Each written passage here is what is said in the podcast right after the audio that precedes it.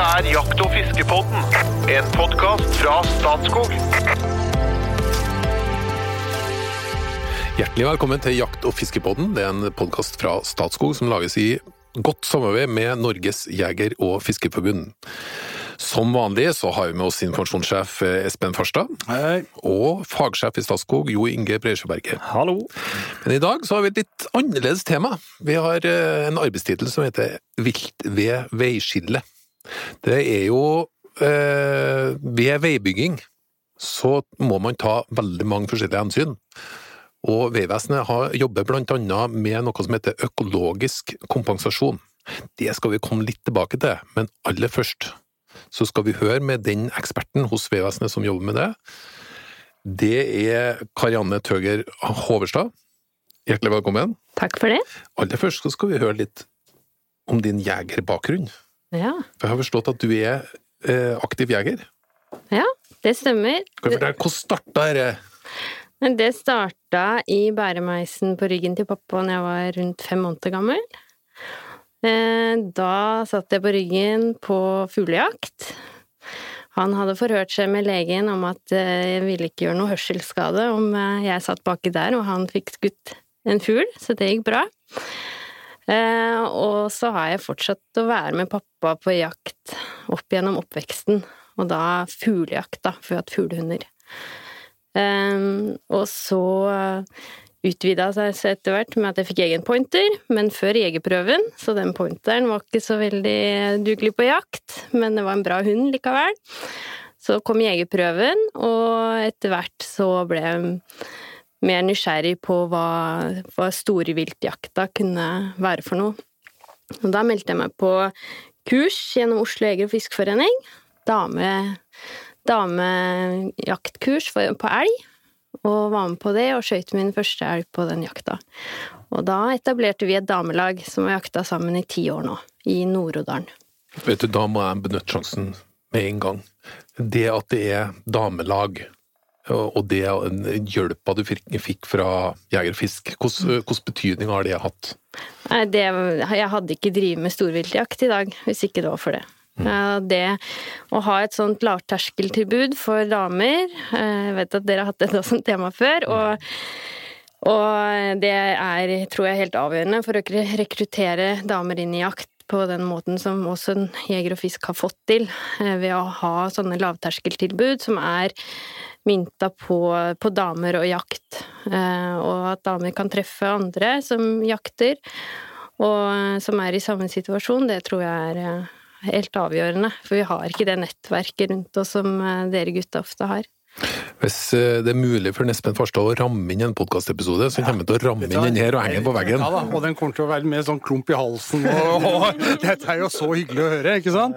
Ja, men det er, jo, det er jo veldig hyggelig å høre disse historiene.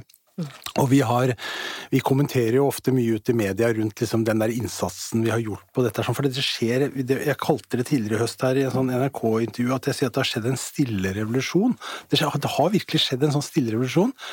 Damer eller kvinner har kommet inn og overtatt eh, Eller kommet inn på vår banehalvdel, for å si det sånn. På høy tid, spør jeg meg, men, men det har kommet. Og, og det er etter hvert blitt ganske mange. Og de har med seg noen verdier som vi syns er helt Ja, dette er, vi er veldig glad for dette. Så det er veldig hyggelig å høre.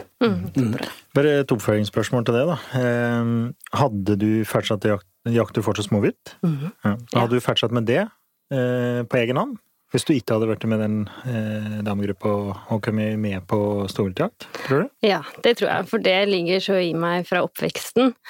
Eh, og det samarbeidet med hund. Nå har jo jeg og mannen min to striøra forstere eh, som vi jakter og trener, og har hatt et kull på. Hun ene tispa, så det ligger så i interessen og i meg, eh, den småviltjakta. Og det er også litt enklere å få til eh, enn storviltjakt, da.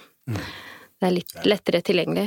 Så å komme seg ut på å gjøre aleine, ikke sant. Du er ikke så avhengig av nettverket rundt liksom, og alt det der. Nei, Nei. Det sant. Men, men du har jo så heldig hatt en, en type en fadder, da. Sant? Hadde, hadde far, din, far din tok deg med ut, men hadde du begynt hvis du ikke hadde hatt dere, det? Hvis du ikke hadde vært med dere, tror du? Eh, Godt spørsmål. Jeg tror altså interessen for natur og det å høste av ressursene, de ligger ganske latent i meg. Eh, Så den nysgjerrigheten på, på hvordan man kan eh, benytte seg av de ressursene som er der ute i naturen, den tror jeg på en måte jeg hadde vokst litt inn i uansett. Og så var jeg heldig og ble kasta i det. Men jeg tror at vi er så glad i naturen og være ute og, og høste av det vi høste kan, så det, det tror jeg jeg hadde oppsøkt uansett. Du hadde en liten historie om eh, våpen. Eh, Ja. kan, kan du dra den? ja. Det var eh, jeg, Som sagt, altså, mannen min jakter òg, og de var et hjortelag når jeg ble sammen med han, et, som hadde terreng, og jeg skulle, det var jo, da hadde jeg jo vært med på det elgjaktkurset og begynt å skjønne hva storviltjakt var for noe, og fikk også være med på hjortejakt på, i, i Guddalen på Vestlandet. Og når vi skulle over der, så måtte jo jeg ha min egen rifle. Og da var eh, pappa og Olav, mannen min, eh, og fant en eh, gammel Mauser til meg. For det var enkelt å få tak i, det var fra et dødsbo, og den var, ga jeg vel 500 kroner for, eller noe sånt, og, og den var, lå klar. En gammel Mauser 3006. Og jeg visste jo ikke bedre og tenkte ja, ja, dette kan jeg jo sikkert skyte med. Og var jo prøvde på skytebanen, og det sparka jo godt, da. Men jeg tenkte det er vel sånn det skal være. Holdt meg fast. Og så dro vi på hjortejakt, og vi sto og i måneskinnslyset og jakta på bøen, og det kom en spissbukk gående, og jeg var superklar for å skyte en hjort. og Sto klar og, og måtte holde omtrent avtrekkeren med begge hender, og dro i. og klarte å fyre av skuddet, og, og hjorten datt, men eh, det sparka godt bakover, og jeg, jeg skjønner jo nå at eh, med litt erfaring og mye bedre børse med kaliber 6,5 og lyddemper, at eh, det er jo en helt, helt annen verden, og det gir en trygghet og forutsigbarhet fra skytebanen og ut i jaktterrenget som du har med deg. Eh, Og den, eh, den tror jeg er veldig viktig, da. For eh, at du skyter godt og føler deg trygg på det du skal gjøre. Han eh, mannen din, han Olav, han, han må ha fått høre dette etterpå, hører jeg? regner jeg med? Ja. Jeg håper det. Det er jo en klassisk feil. En klassisk feil. Sånn. Nå er riktignok eh, En maus er jo dønn pålitelig, og han har bevist sin dugelighet, for all del, men, men det er liksom en veldig typisk feil. Og Hvorfor i alle dager skulle du ha det? Nei, jeg vet. Det er jo helt meningsløst. Og ja, dette er alle nybegynnere. Vi kan si det nå, farfar gjentar gjenta meg sjøl, så ikke, i hvert fall ikke velg et kaliber som er større enn det du behersker og skuter bra med. Tilpassa børsa godt fra dag én. Ja. Men du har hatt, eh, altså du har vokst opp med, med høsting av, eh, av naturens overskudd, og du har vært mye ute i naturen, og du har tatt bruk, eller så blitt jeger sjøl. Og fisker kanskje, for det vet ikke jeg. Ja, fisker litt, Ja. men det er ikke det jeg er mest av. Men jeg er glad i det òg. Er det det som har ført deg igjen i den ut, utdanningsretninga som du tok? Ja. Hvordan, eh, hvor hvor eh, endte du hen eh, utdanningsmessig? Eh, ja, nei, jeg, begynte på Ås. Først så gikk jeg på folkehøyskole i Nord-Norge, eh, hvor jeg gikk hundekjøring og friluftsliv. Jeg er jo veldig glad i hund, og ville prøve en annen side av det å, å ha hund enn bare jakt.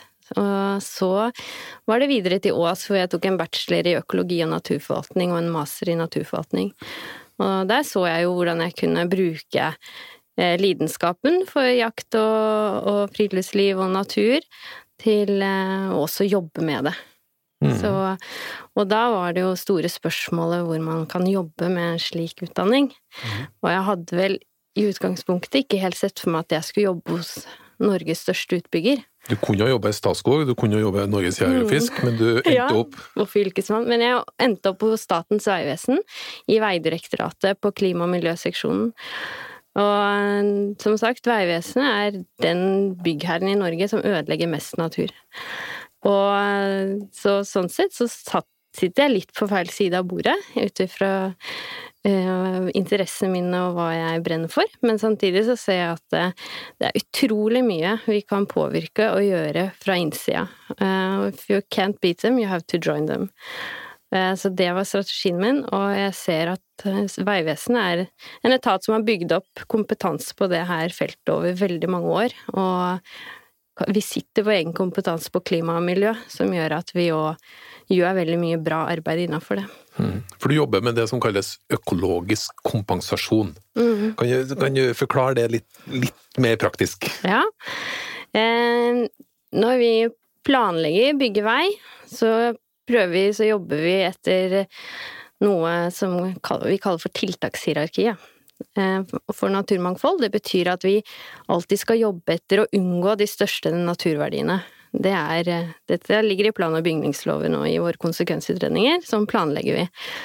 Vi skal unngå de største naturverdiene, og når vi ser at vi har gjort det så godt som mulig, så skal vi eh, avbøte de eh, negative konsekvensene. Det er for eksempel at vi bygger faunapassasjer som gjør at viltet kan bevege seg mellom leveområder.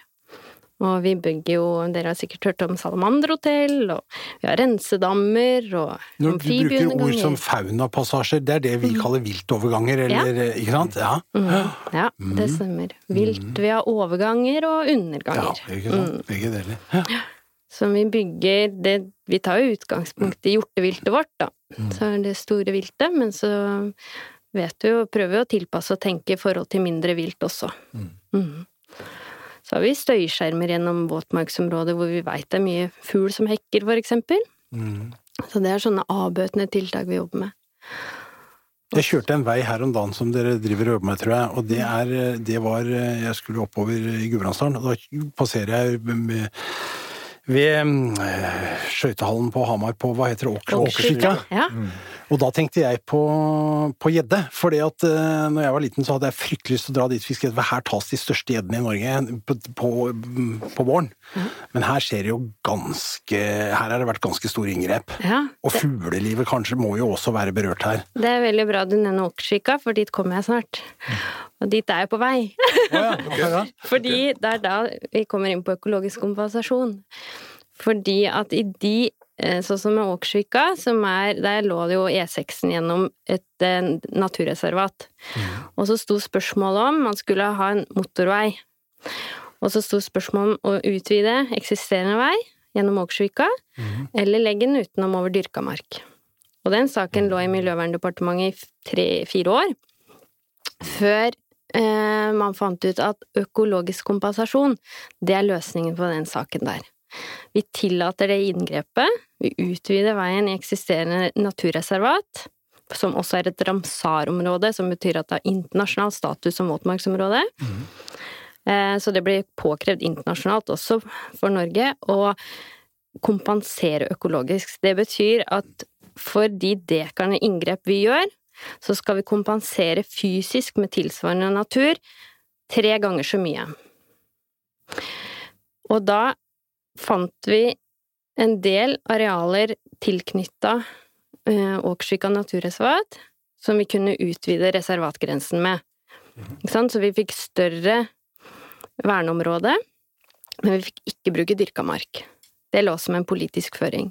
Er ikke lov å bruke dyrka mark til kompensasjon for natur. Det må jo være en utfordring her, hvor det er jorder rundt på alle kanter. Ja, og en del var jo så vasstrukken mark at det kunne fint vært brukt, og grunn, flere grunneiere som var enig i det, men når det ligger som politisk føring, så var ikke det aktuelt, da. Ja.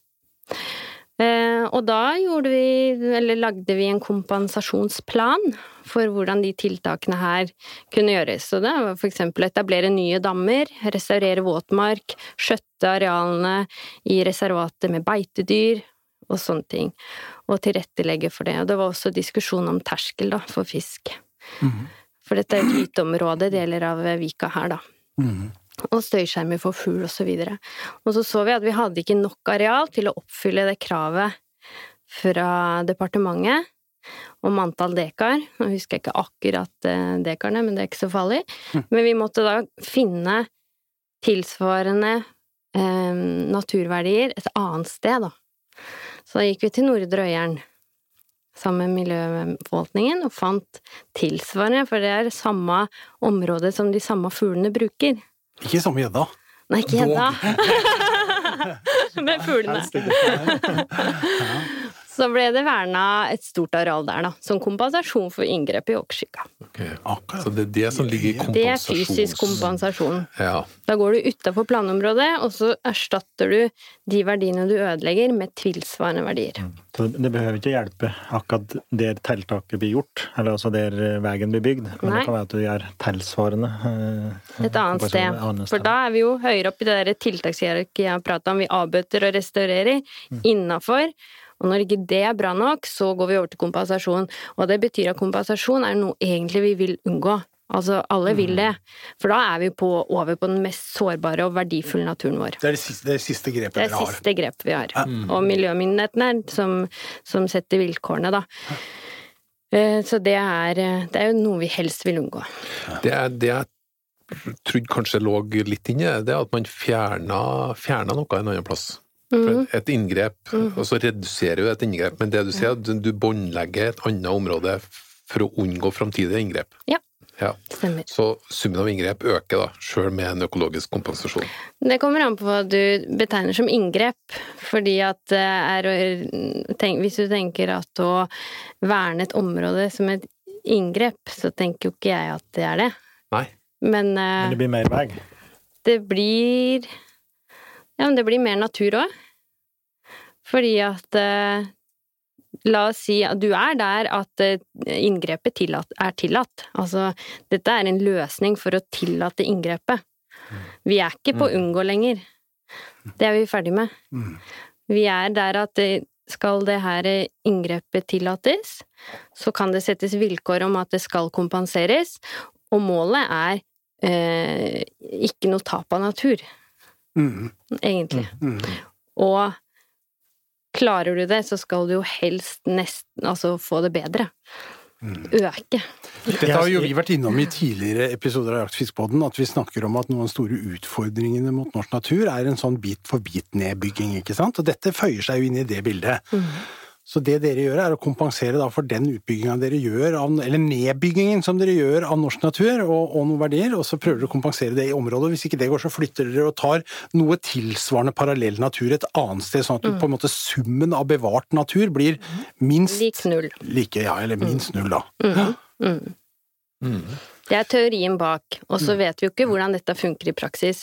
For Åkersvika, som du nevnte i stad, Mm. Det var et poeng, det, Kom du med forkjøpet? Ja, og så kan jeg jo trøste deg når du sier at dere kompenserer i Øyeren ja. for det dere ikke fant godt nok kompensasjonsgrunnlag eller muligheter og sånn, så er det det andre stedet hvor det er virkelig stor gjedde, da. Sånn at det er jo det er ikke så gærent, dette her! Da har gjedda det bra, og fuglene har det bra. Ja. Det er ja, godt. det er bra. Ja, ytterste konsekvens kunne være at du ikke bygde veien, da. Ikke sant? Og jeg vil òg anta at det her er et kostnadsspørsmål. I høyst stor grad er det et tema her? For eh, du båndlegger arealer som Du skulle jo ikke ta dyrkemark, da, men Nei. du båndlegger jo noen arealer som Ja. Det vil ha noen økonomiske konsekvenser, da. Ja. Og det I hvor stor grad er det et tema her?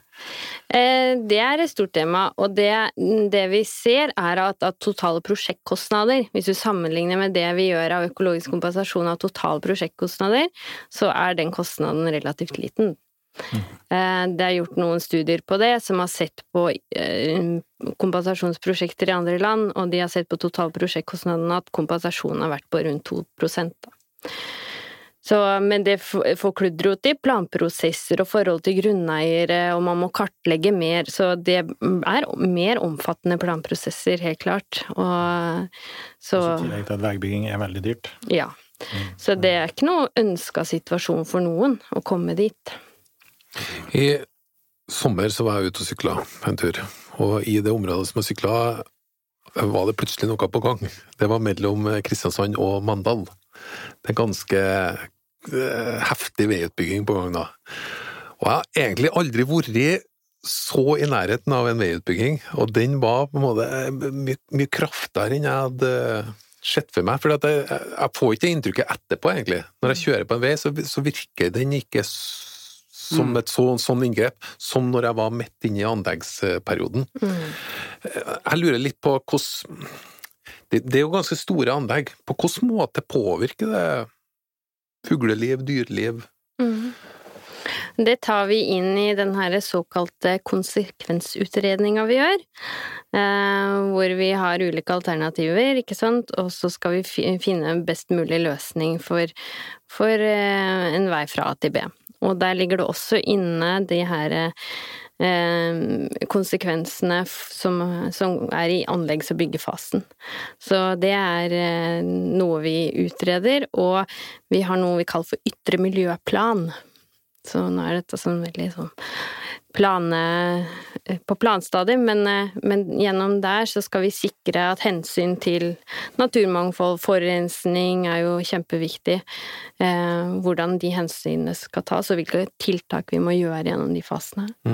Jeg, jeg, jeg tenker sånn, når du kjører fra ja, på de største veiene, mellom Oslo og Gardermoen, så tenker jeg at det er, og du har Gardermobanen, og så tenker jeg at du har mye dyr som, eh, som normalt sett skulle ha beveget seg over det. Hva, på hvilken måte blir, blir dette påvirka? Ja, akkurat i anleggsfasen så er det ikke så lett å Nei, ta nei, hensyn til det. Mm. Men det vi prøver er jo sånn som ikke sant, å tilpasse eh, Det kan jo være spesielle hensyn som eh, i Åkersvika, da, tilbake til der, så prøvde, har det jo fått krav om å ikke ha drift i i hekkeperioder, for eksempel, i sårbare perioder, så sånne ting. Sånne eh, krav og vilkår eh, legges inn hvis det er spesielle hensyn. Men Får, du- får du hjemme, altså, føler du at det er eh, akseptanse for dette i, i eh, blant ingeniører og, og veibyggere? Blant uh, gravemaskinførere? Og, eller så har de liksom forståelse for de, disse problematikkene?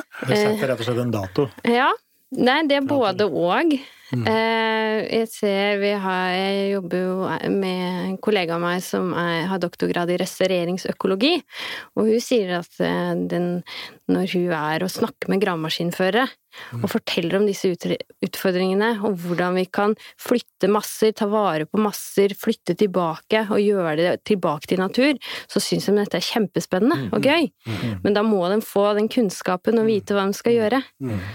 Og det er det som ofte er, er en missing link, ikke Ja, sant? dere, dere er liksom ikke de der, de, dere er ikke de der som forsinker og fordyrer alle prosjektene, og som egentlig Det er ikke sånn at praten stopper når du kommer til kaffeautomaten på jobben, liksom, for da kommer de der Ja. liksom, Nå er det noe, sånn, noe sommerfuglgreier igjen, ikke sant? Ja.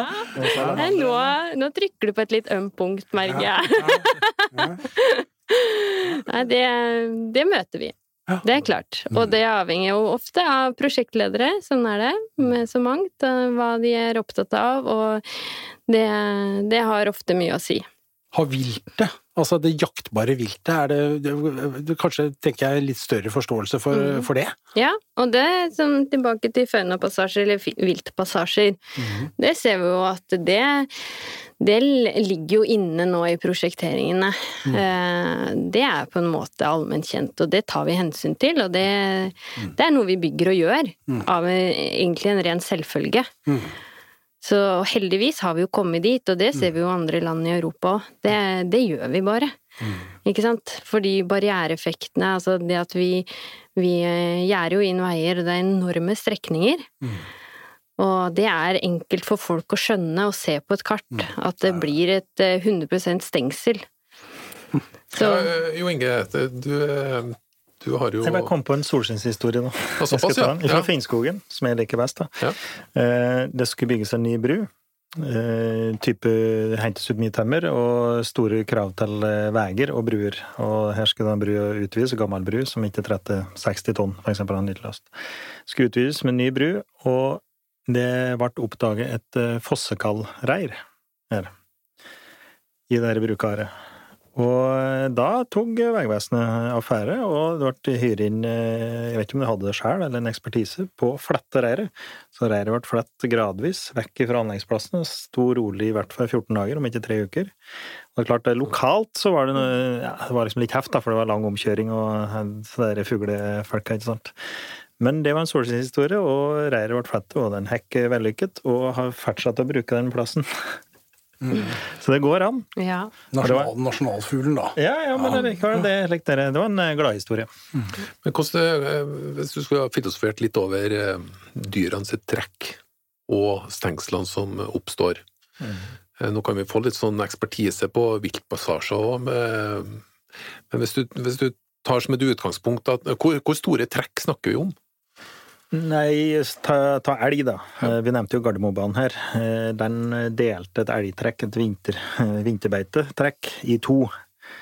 Og det, i hvert fall tidlig i fasen, så var det veldig uheldig. Altså, det var en ganske lang anleggsfase. Og du nevnte eh, Gardermobanen og E6, men i tillegg går jo jernbanen der òg.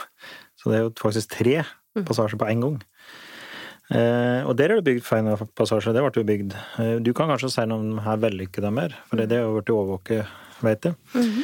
Men eh, til å begynne med vet jeg at det var, du har gjerder og de passasjen. Og, og du delte i prinsippet et trekk i to. Og det kan eh, være ganske uheldig da, når du har en art som er tilpassa det her, og har gjort dette her i generasjoner. De er ikke sikkert de vet hvorfor de gjør det engang, men, men de har ferd sine foreldre ikke sant, dit, og, og fortsetter det næringssøket sitt da, på vinterstid. Men du kan si noe kanskje om her er effektivt å gjøre, for, det, for der og da så er det veldig uheldig. Og får du en elg som eksempel ei ku da, som finner ut at hun skal igjennom, så klarer de å trenge gjennom viltgjerdet. Og kommer inn på E6-en, så vil det være, stort sett være fatalt. Og hvis, Så greier man å bryte gjennom et viltgjerde, altså. det går an å få til det, ja. Det er sjelden pent, da, men det går jo an. Nå skal jeg jo egentlig ikke gjøre det, men det skjer jo det.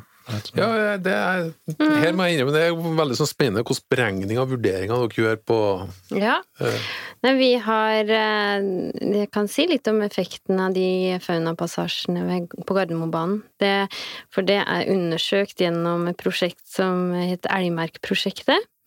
eh, Styrt av fylkesmannen i daværende Oslo og Akershus. Og det de gjorde, var å GPS-merke 50 elg. Og hadde viltkameraer på en 20-30 passasjer. Eller ja, over- og underganger. Eh, og det man så, var jo at de passasjene ble brukt. Eh, Vi hadde vel rundt en par tusen passeringer av elg, og så så vi på kameraene, så var det vel en ja, det var flere 4000-5000 passeringer av rådyr òg. Pluss småvilt, da. Men, eh, men det vi så, var at overgangene de ble mer foretrukket enn undergangene. Og så har det mye å si om, om eh, størrelsen på de. Jeg anbefaler jo en bredde på eh, ja, 40 meter på overgangene. Og undergangen er det vel rundt 15. Eh, og så har det mye å si hvor, hvordan de ligger i landskapet, og det er jo kanskje det mest vesentligste, da. At de er tilpassa de hvordan de ligger i landskapet, forhold til trekkruter, for eksempel. Det, Altså det undersøker dere på forhånd? ja. Mm. Ja. Og her hadde vi jo GPS-merka elg, så de så vi jo hvordan brukte også arealene rundt, da. Mm. Eh, I mye større skala, så det, vi så jo ikke bare på, på kamerabilder og, og hvordan de passasjene ble brukt og hvem som gikk der og når, men vi fikk også se på områdebruken av de elgene. Um, så, men det er en utfordring er òg Og det har noe med helhetlig planlegging å gjøre, hvor viktig det er. Og det er at vi kan bygge en passasje med veldig gode intensjoner. Eh, Godt tilpassa landskapet, riktig størrelse osv.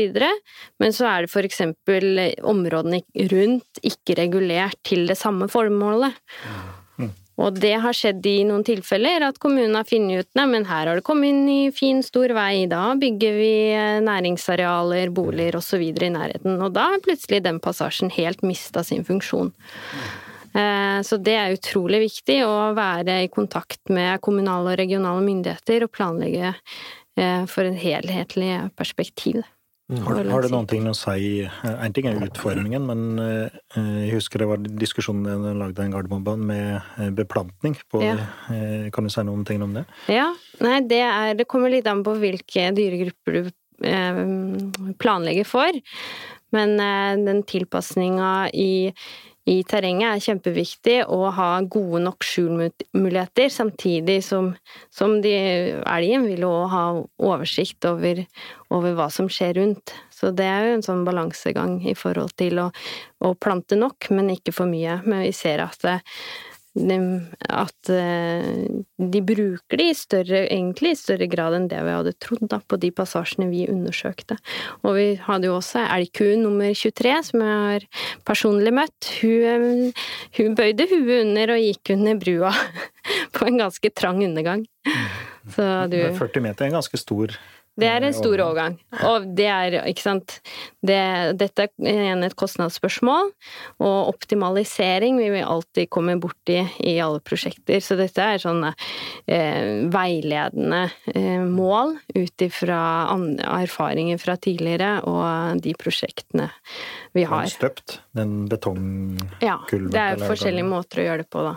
Men eh, det er, det er Går andre dyr over òg? Ja. Ja, altså, man syns det er uproblematisk å gå over en sterkt trafikkert vei? Ja, men eh, de bruker over- og undergangene. Det er mye rev og grevling og ulv har vi hatt. Og jeg skal ikke si hvor den var, men Nei, det kan ikke. Nei, Men, men det er, men det er, det er hjorteviltet som styrer dette, på en måte. Ja, det er Ja. de som på en måte Men vi har jo amfibieunderganger. Men, eh, men Og, Og fiskekulverter. Ja, ja, ja.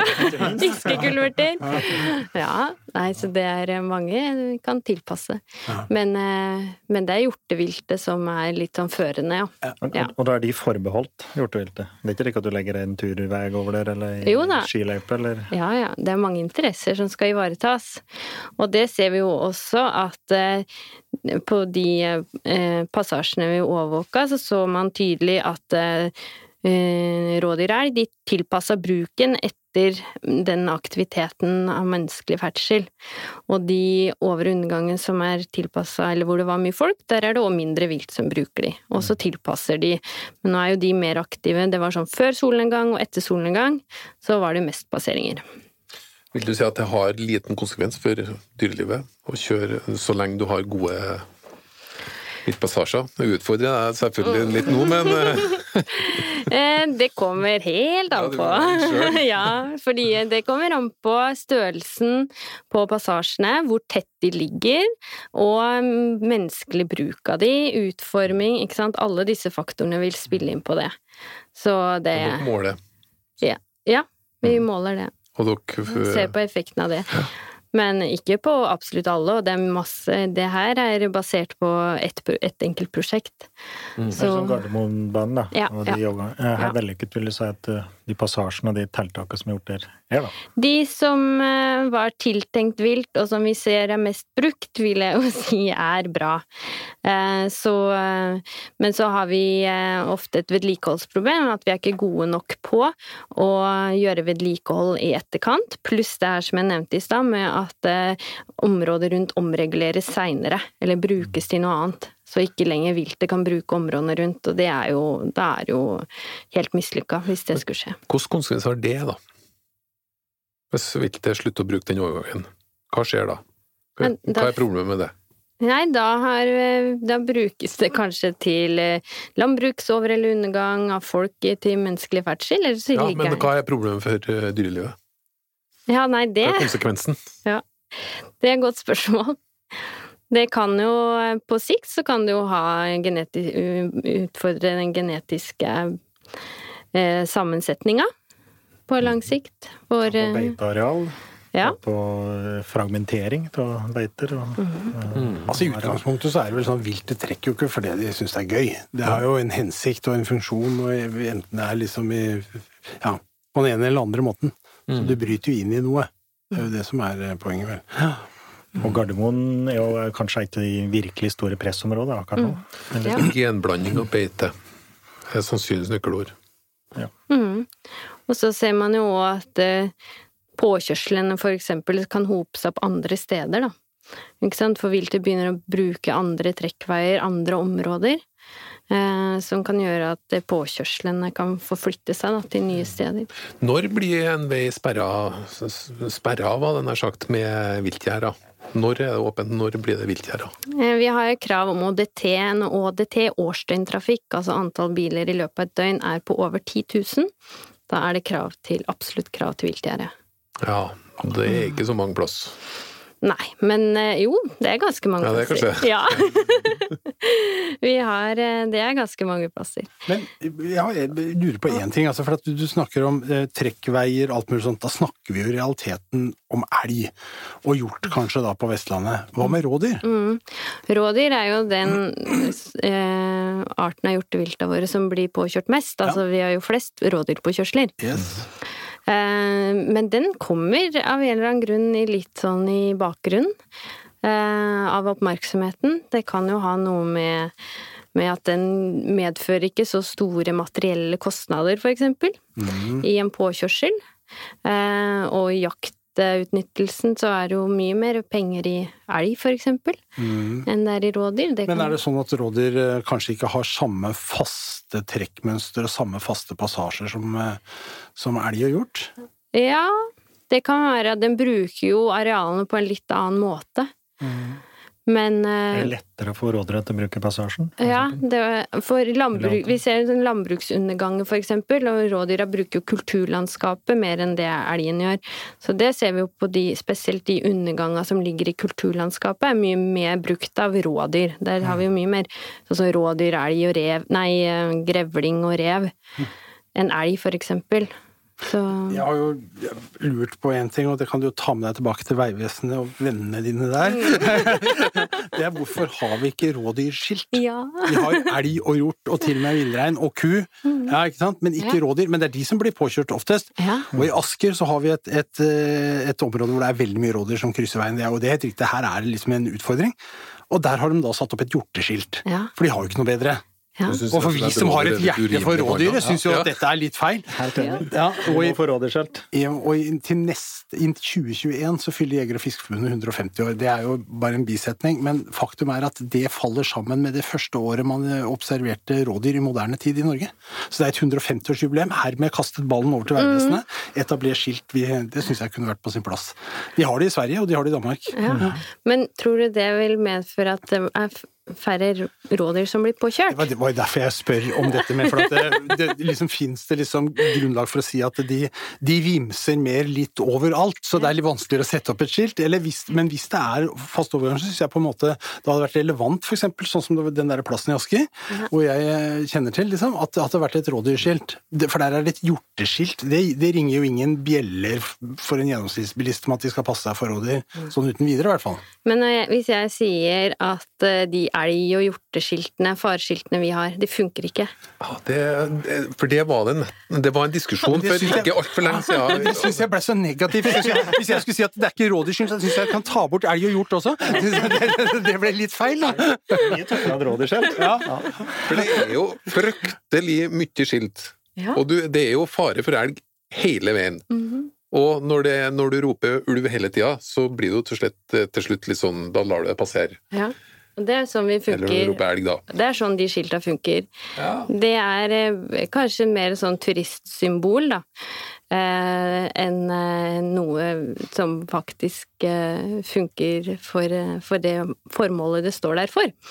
Så Hvorfor står de der? Altså, er det fordi det har vært påkjørsler, eller fordi at det, man har funnet trekk, eller Ja, eller det kommer sånne som gjerne vil ha et rådyrskilt her eller der, da. Som. Som, står på så hardt og så lenge at da gidder vi ikke lenger, og så setter vi opp et skilt, og så blir de fornøyd. Men det er over. Vi Ja, det ser virker rett og slett ikke. Nei, altså det jeg har sett på studier, er at eh, de tar oppmerksomhet der og da, men kanskje ikke i det hele tatt. Og som vi sier òg, at det roper ulv, ulv, og vi har for mange av dem. Så det som Det er feil å si at skilt ikke funker, men det funker ikke måten vi bruker det på i dag. Mm. og vi har gjort en eh, det er gjort et prosjekt oppe i, Nord-Norge hvor de har sett på i Trøndelag, hvor de har gjort en gjennomgang av skiltbruken. Altså sett på strekninger, sammenligna hvor påkjørslene ser. De har satt noen sånne estimater for stor sannsynlighet ut fra så og så mange påkjørsler, da er sannsynligheten så stor, osv. Eh, og så har de sett på hvor står det skilt, hvor, eh, hvor skjer på, påkjørslene, og hatt en sånn gjennomgang. Og det vi ser er jo at eh, i mange tilfeller så står skiltene på feil sted. De står ikke der hvor påkjørslene skjer, og det motsatte, at der hvor flest påkjørsler skjer, der har vi ikke skilt. Eh, og så er det den diskusjonen med trafikksikkerhetsfolka, ja, men hva hvis vi begynner å ta ned skilt? Hva hvis det skjer en påkjørsel, og en dør i verste fall? Da juridisk avdeling kommer Ja. banker på døra. Da har vi et problem. Bordet fanger, altså. Ja. Så, men det jobber vi for nå, ha en sånn eh, gjennomgang. Um, og eh, i samarbeid med lokale viltnemnd for eksempel også, at vi, at vi får en mer sånn eh, hva skal jeg si, dynamisk bruk av fareskiltene våre. Si- Siden vi var nå i hjertet av Norge, da, i Trøndelag, så må jeg bare nevne én ting til. For at eh, i nærheten av der jeg bor, så er det, er det et sånt forsøkssted der det skal blinke Ja. ved en, eh, når det går en elg over. Har man funnet frem noe som fungerer godt der? Ja. Det er resten av poenget mitt. ja. Dere sier du hele tida, det. Jeg er ikke noe troverdighet lenger, det, Jo Inge. Nei, det, det eksempelet mitt var jeg tror jeg for Nordland, hvis jeg husker riktig. Jeg var på et eh, foredrag på Naturdatakonferansen i fjor, med, med skjelt og overvåking, altså lamper som lyste i tillegg til skjelt. Men du kan si det. ja. Nei, det er kjempebra at dere introduserer neste, neste prat. Og de, de skiltene har vi sett eh, de to eksemplene dere nevner, da. Eh, De kjenner til, og de, eh, de har så langt kan vi si at det har fungert ved at påkjørslene har gått ned på de strekningene. Og så må man jo alltid ha kontrollstrekninger, fordi at det er mange faktorer som spiller inn på antall påkjørsler. Altså snødybde for eksempel har jo veldig mye å si, og trekk og, og sånn, så det vil jo være variasjoner, så det her må man teste over flere år for å kunne si noe sikkert. Eh, Men den her variable skiltinga, det har jeg litt tro på, fordi at eh, da gjør du ikke noe med, med hastigheten, egentlig. Du reduserer ikke hastigheten, men, men du gjør eh, bilisten oppmerksom på at nå er det større sannsynlighet for at det krysser en elg over veien, over den strekningen du møter. Eh, Og da senker bilistene helt automatisk farten. For vi gjorde et, bare en sånn eh, liten artig samfunnsøkonomisk analyse av redusert hastighet eh, i forbindelse med elgpåkjørsler kan være. Og det vi så var jo at eh, de, når du setter ned hastigheten, så, så begynner reisetidskostnadene i den samfunnsøkonomiske analysen å tikke, og de er så høye at det vil aldri Selv om du reduserer påkjørslene helt ned til null, altså du har ingen elgpåkjørsler på en strekning du før hadde det, og du setter ned hastigheten, så vil det ikke lønne seg. Fordi du, du kjører en produktivitetskostnad Ja. på de timene der du egentlig sitter og kikker på. Netflix, da, men eh, Men der ligger ikke noe intervjuundersøkelse blant elgen, skjønner jeg. Nei. Fordi at de, Nei, nei. den har ikke noe stemme der. Nei, har ikke det. Har ikke det altså. Nei, har ikke det. ok. Mm.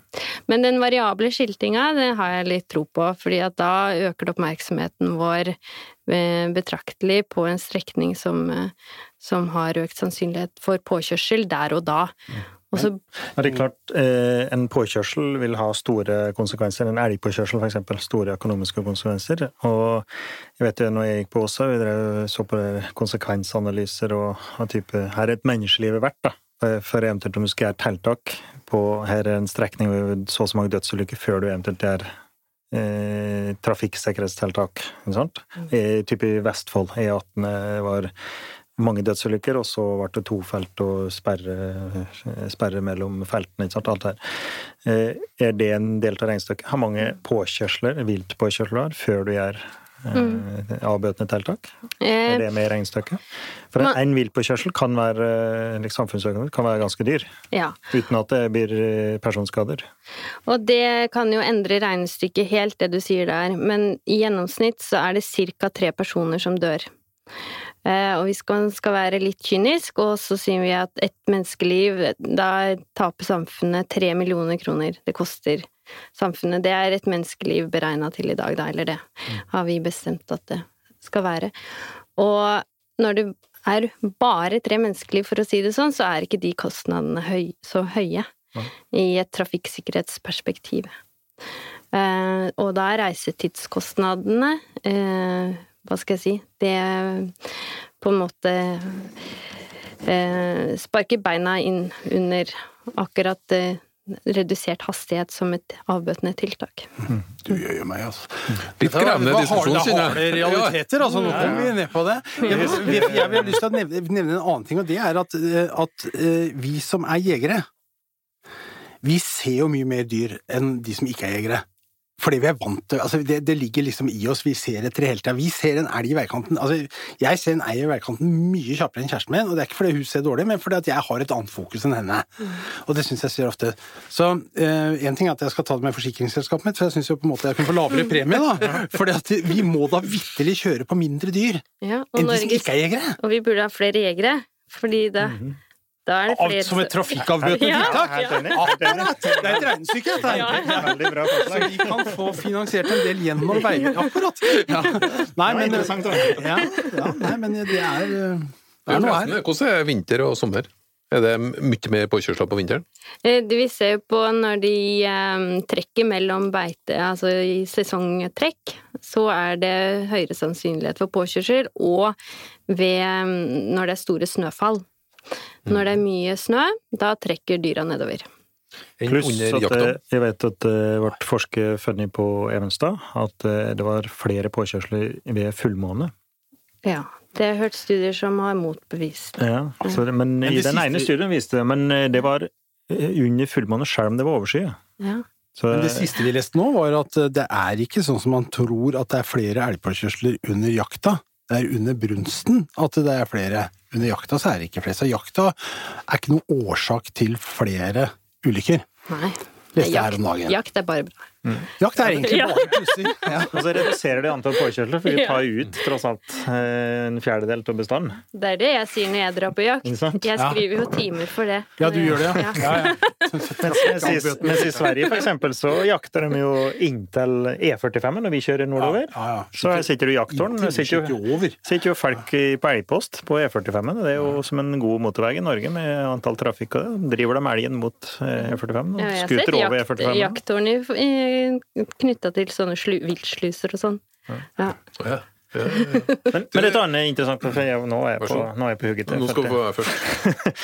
Eh, det kan jo få veibygging, og ikke minst tunneler, kan òg få en del uheldige eh, konsekvenser. Jeg- vet eh, eksempler der det er bygd tunneler ut på øyer der du har fått rovdyr ut, f.eks. Mm. rev ut på ei øy som ikke hadde rev fra før. Kan du si litt om det? Det vil jo være en kjempeutfordring for, Mm. for eh, bakkeikende fugler og her det måtte være. Eh, Det vil være en veldig uheldig konsekvens. Jeg har vært med og kjørt i Tosentunnelen i Nordland, jeg jobber i Nordland. Jeg hadde møtt elg inn i tunnelen. Du kan, frakte, du kan jo frakte elg strengt tatt ut på ei øy som ikke hadde det før. Altså, det vil kunne få store konsekvenser for det samfunnet på utsiden. Kan, du, kan du si noen ting om det? Jeg, jeg har ikke jobba så veldig mye med det, men jeg vet eh, Jeg kjenner til den utfordringen, og det har vært testa noen tiltak og blant annet noe sånne eh, alla, ikke feris, da, men eh, noe tilsvarende sånne eh, som skal funke. Men da har det nok litt betydning for hvor store veier det er, og hva slags type trafikk som går over, i forhold til om sånne tiltak eh, går an å bruke eller ikke. Eh, Men, eh, men jeg vet at det, at det er en utfordring, og så kjenner jeg ikke til noen tiltak som fungerer sånn optimalt for, for å hindre det. Nei. For det, I det ene tilfellet der var det gjort eh, Jeg tror det var en eh, type feris, da. Men likevel fikk du reven over. Og Mm. Ja. når du først har fått den over, så klarer du ikke å kvitte deg med den. Mm.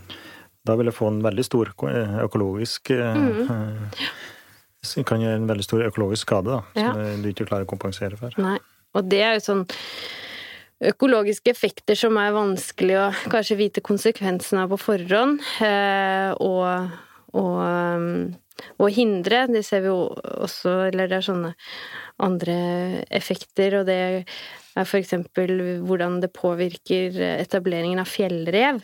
Eh, I forhold til at rødreven presser den ut i noen områder ved at de får større tilgang til påkjørt vilt, da, eller fugler, i veien, og søppel, ikke minst. Søppel. Som rødreven, og det er det forskningsprosjektet fra NINA på, som, som ser på det, og hvordan effekten av eh, hva skal vi si, veiene har for etablering av rødrev i områder som, som egentlig ikke har det, men av veiene og søppel og påkjørsler og sånn som skjer der, så har eh, rødreven leveområder en kanskje ellers ikke ville hatt, og på den måten en kan fortrenge fjellrev da, i noen områder. Jeg syns det var utrolig interessant det med økologisk kompensasjon. Jeg har aldri hørt det før. Og selvfølgelig så er Vegvesenet en veldig veldig stor utbygger, og en, eh, ja, som har veldig stor betydning for eh, norsk, norsk natur da, og utviklinga av den. Så For å få litt sånn ordentlig luft under vingene før vi lander episoden, så skal jeg, lurer jeg på én ting. Hvorfor skaper veiutbygging tilnærmet null debatt, Ja. mens vindmølleutbygging skaper enorm debatt? Det, det har jeg lurt på. Men setter du opp en bom, så skaper det debatt. Og bompenger, det, den skaper debatt. Mm, Men veiutbygging i seg sjøl, den skaper ofte ikke debatt. Og jeg tenker på også, vi har jo det her monstermasten over Hardanger, Mm. ikke sant? Den skapte enorm debatt, men vi har jo da brua over Hardangerfjorden. Eh, Den har ikke skapt den samme debatten, men jeg tror eh, for oss veien er så viktig for oss for å komme fram, ikke sant? Vi skal fram overalt, og, og det er noe vi konkret forholder oss til. Den strømmen, den kommer jo gjennom eh, lampa vår og ut av ovnen, og den omgir vi oss med, men det er ikke like konkret som å sitte i vår egen bil og kjøre akkurat dit vi vil, og levere de varene vi ønsker oss. Så er det jo én forskjell her, da. Altså Veien må jo på en måte gå mellom Oslo og Trondheim. Hvilke traseer kan du gjøre og ta hensyn og, og tenke disse tankene, men den skal jo tross alt gå der. De der vindmøllene må ikke nødvendigvis ligge på norsk eh, jord, ikke sant. De kan flyttes til havs, for eksempel. Så der er et bedre grunnlag for en debatt. Ja, eh, det er mulig det blir litt politisk spørsmål, men det ble nevnt så vidt det var Nye Veier. Hadde sagt at de skal bygge veier billigere, og at eh, Vegvesenet er beskyldt for å ha lang behandlingstid, og at det er kastbart å bygge veier. Sant? Vil det si at de gjør mindre økologisk kompensasjon? for? De har at de har mindre altså, for det, Skal du kutte kostnader, så må du jo, må du jo dra inn noen sted. Da. Vil det si at det blir tatt mindre hensyn til viltet, da, for eksempel? Eh, det vi har sett, altså for det er Nye Veier som sagt som tok over prosjektet gjennom Åkersvika, hvor det ble krevd, eh, påkrevd økologisk kompensasjon, og de har jo de samme kravene. Det er jo satt fra miljøforvaltninga.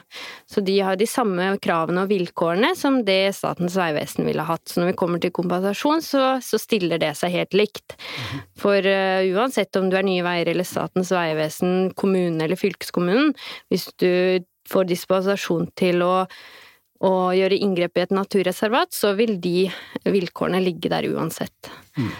Men å bygge vei raskere og billigere, det eh, Da snakker Da er det pris det snakker om, og miljø er ofte veldig sånne konkrete, enkle, hva skal jeg si, tiltak å ta, ta tak i, da, og redusere kostnader på. Og da kaller vi det for å optimalisere linja. Ikke sant? Så du kan jo alltids diskutere om den Faunapassasjen kan være litt smalere, litt lavere osv. Men det er jo sånne prosjekttilpasninger som gjøres i ethvert veiprosjekt. Eh, Så det er ikke alltid avhengig av hvem som står bak. Ja. Jeg har lyst til å føye til da, i hvert fall at jeg synes at det er veldig hyggelig at vi har en dedikert jeger i denne rollen i Vegvesenet. Det setter vi pris på, da. Det er. Det er bra. Du, og før vi avslutter, hvordan, har eh, høstens eh, jakt gått? Den har gått eh, bra. Det starta bra. Vi var i Trysil og jakta rype, og da fikk jeg skutt de første rypene for unghunden vår, så det var jeg veldig fornøyd med. Jeg dro hjem med tre ryper og mannen min null, så Enda bedre. det var enda bedre! så det var eh, en bra start, og det var ikke så verst med, med ryper i Trysil, syns jeg. Vi er egentlig ganske fornøyd, og greit med skogsfugl også. Eh, og så hadde vi litt stang ut på elgjakta. Vi åpna el- elgjakta i Nord-Odalen i år, og var kjempefornøyd med det. Eh, men da satt jeg og så i litt feil retning, på litt feil tidspunkt, for alt skjedde til venstre for meg, og så ser jeg bare elgen smetter inn i skogen foran meg. Så det er igjen en sånn lærepenge om at du veit aldri hvor elgen er hen. Aldri. Du må følge med overalt hele tida. Så får vi se. Det byr seg noen flere sjanser.